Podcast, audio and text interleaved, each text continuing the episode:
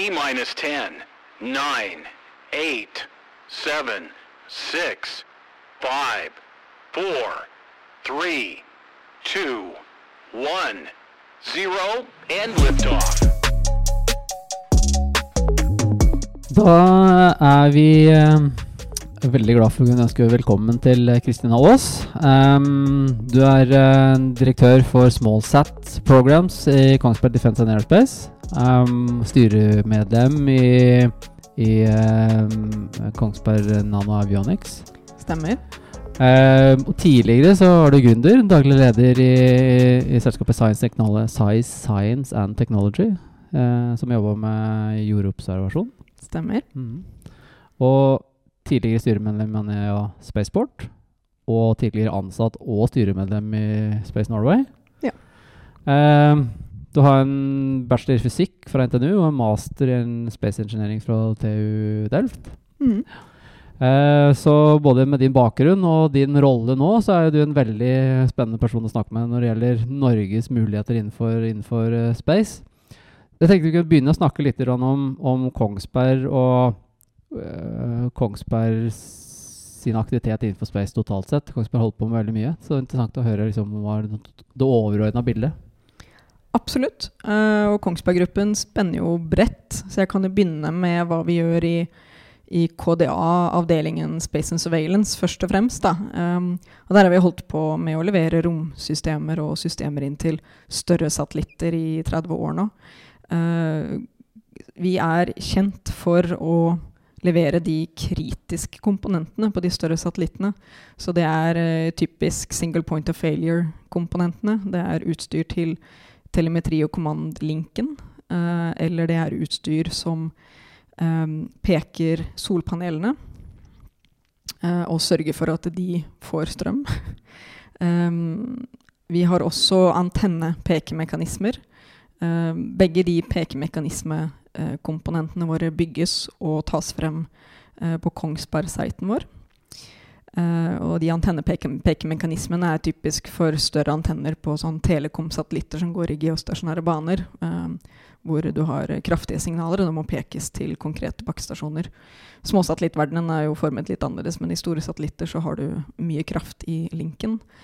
Um, så har vi Det er jo Horten-siten vår og miljøet der som hovedsakelig har jobbet med å ta fram utstyr til telemetri og kommandolink um, for større satellittkonstellasjoner. Og våre produkter er med på de aller fleste telekom-konstellasjonene som leveres både kommersielt og fra myndighetene rundt omkring i verden i dag. Uh, I tillegg så er vi en leverandør inn på Galileo-konstellasjonen til um, ESA, EU, uh, i form av søk- og redning-transpondere.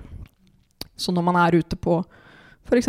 kajakktur og har med en liten sånn SAR-enhet, så er det vår duppeditt oppe på satellitten som den kommuniserer med.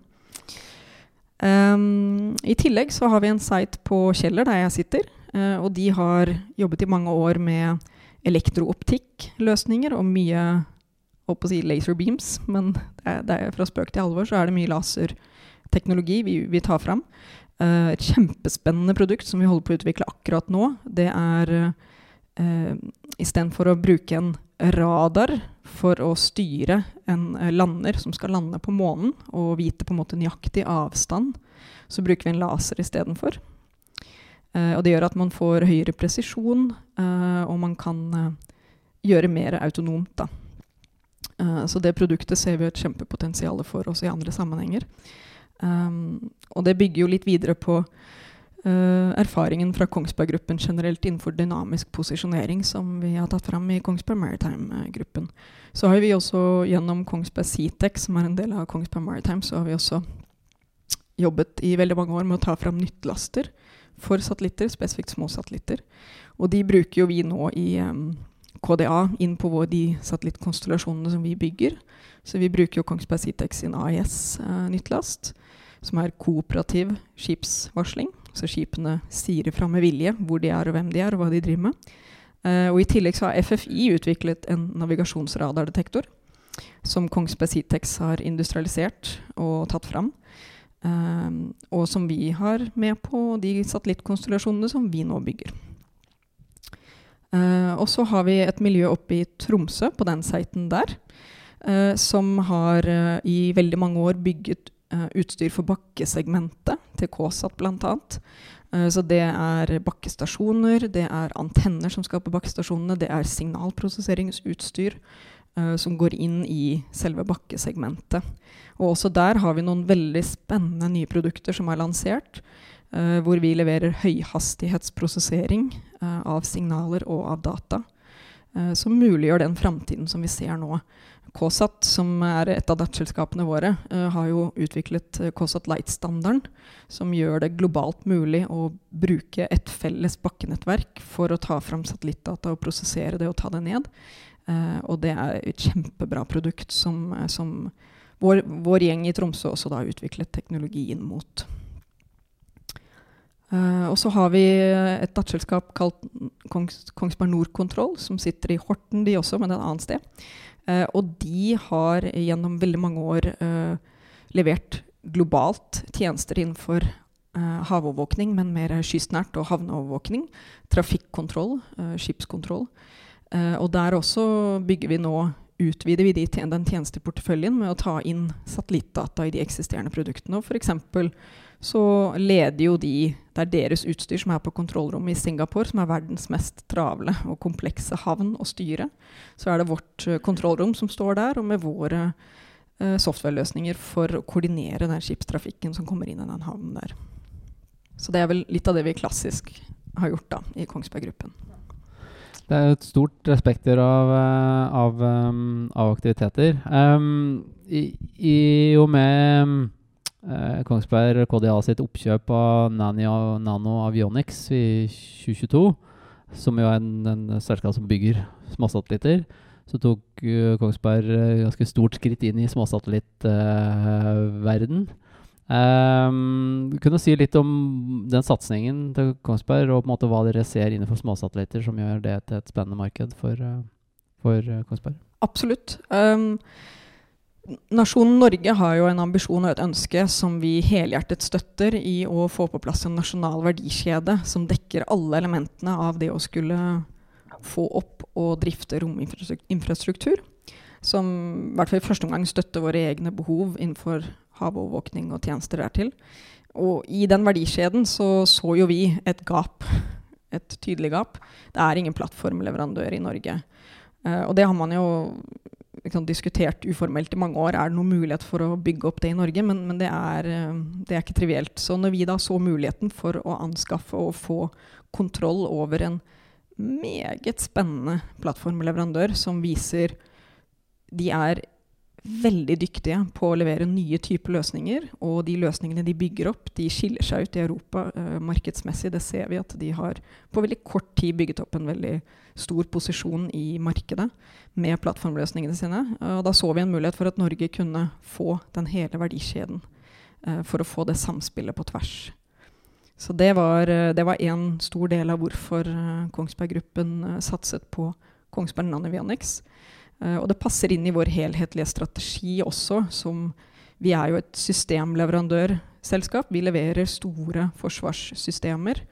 Uh, Kongsberg Gruppen leverer store løsninger generelt innenfor mange domener. Men KDA også leverer store systemløsninger innenfor forsvarssektoren og også nå romsektoren.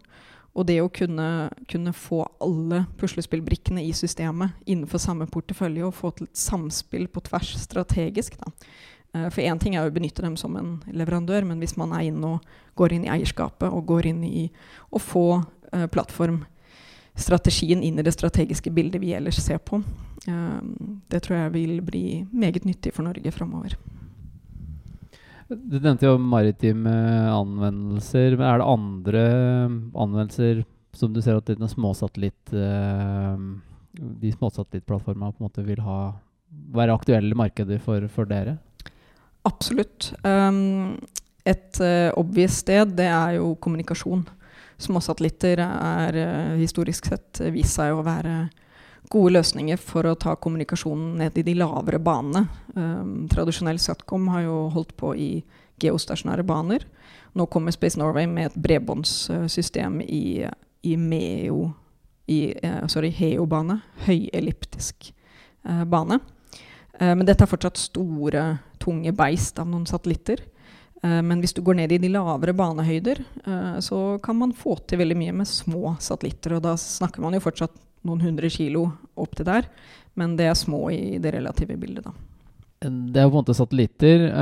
Disse satellittene genererer jo data. Ser du noe, Har du noen eksempler på gode forretningsmuligheter for, for, norske selskaper innenfor anvendelse av satellittdata? Jeg vil tro du har mange, men er det noe du ville peke på som, som er spesielt spennende?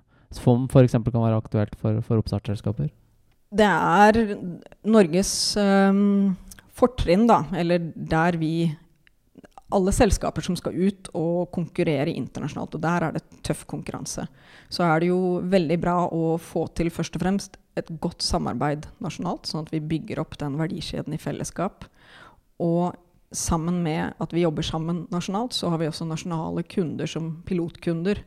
Og de kundene vi har i Norge, de, de er eh, ekstremt gode på å, på å pushe løsningene slik at de står seg internasjonalt.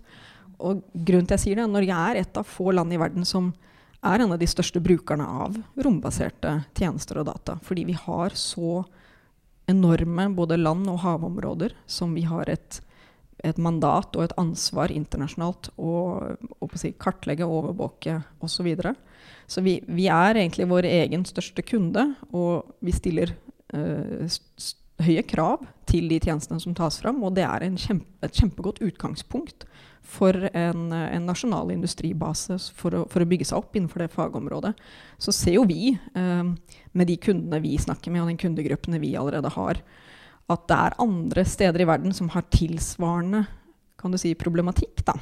Det finnes andre land som har enorme havområder som de har et ansvar for å overvåke. Um, altså Man trenger ikke gå lenger enn til Danmark, men også Australia, og New Zealand.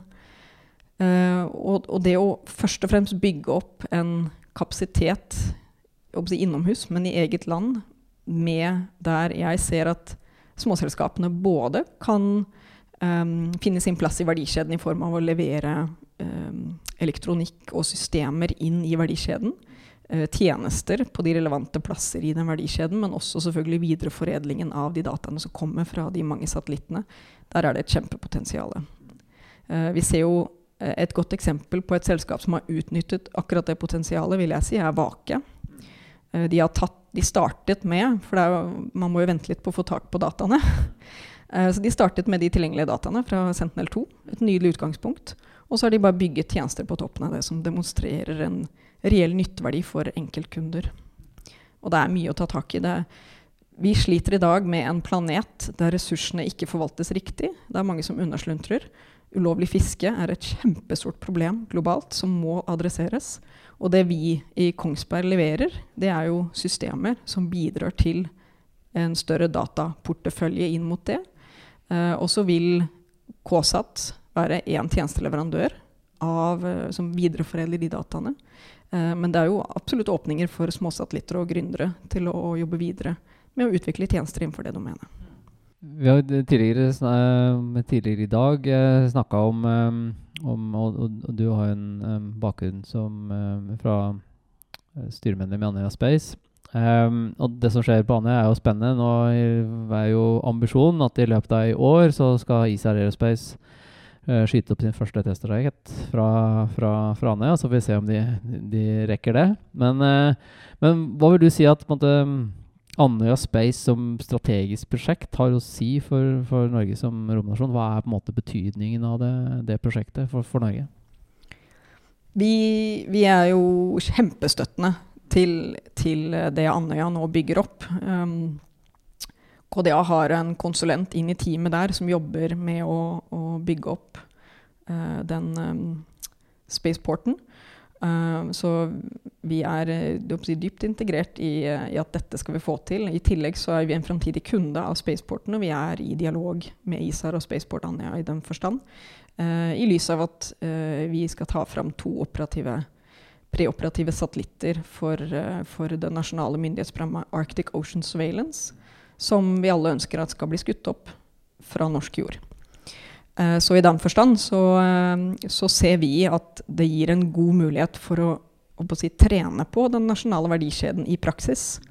Eh, det å sammenstille satellittene på Kongsberg i bygget vårt Kosmos, og teste de der. Og så shippe de opp til Andøya, og alt foregår i Norge. Det gleder vi oss til at vi skal få til.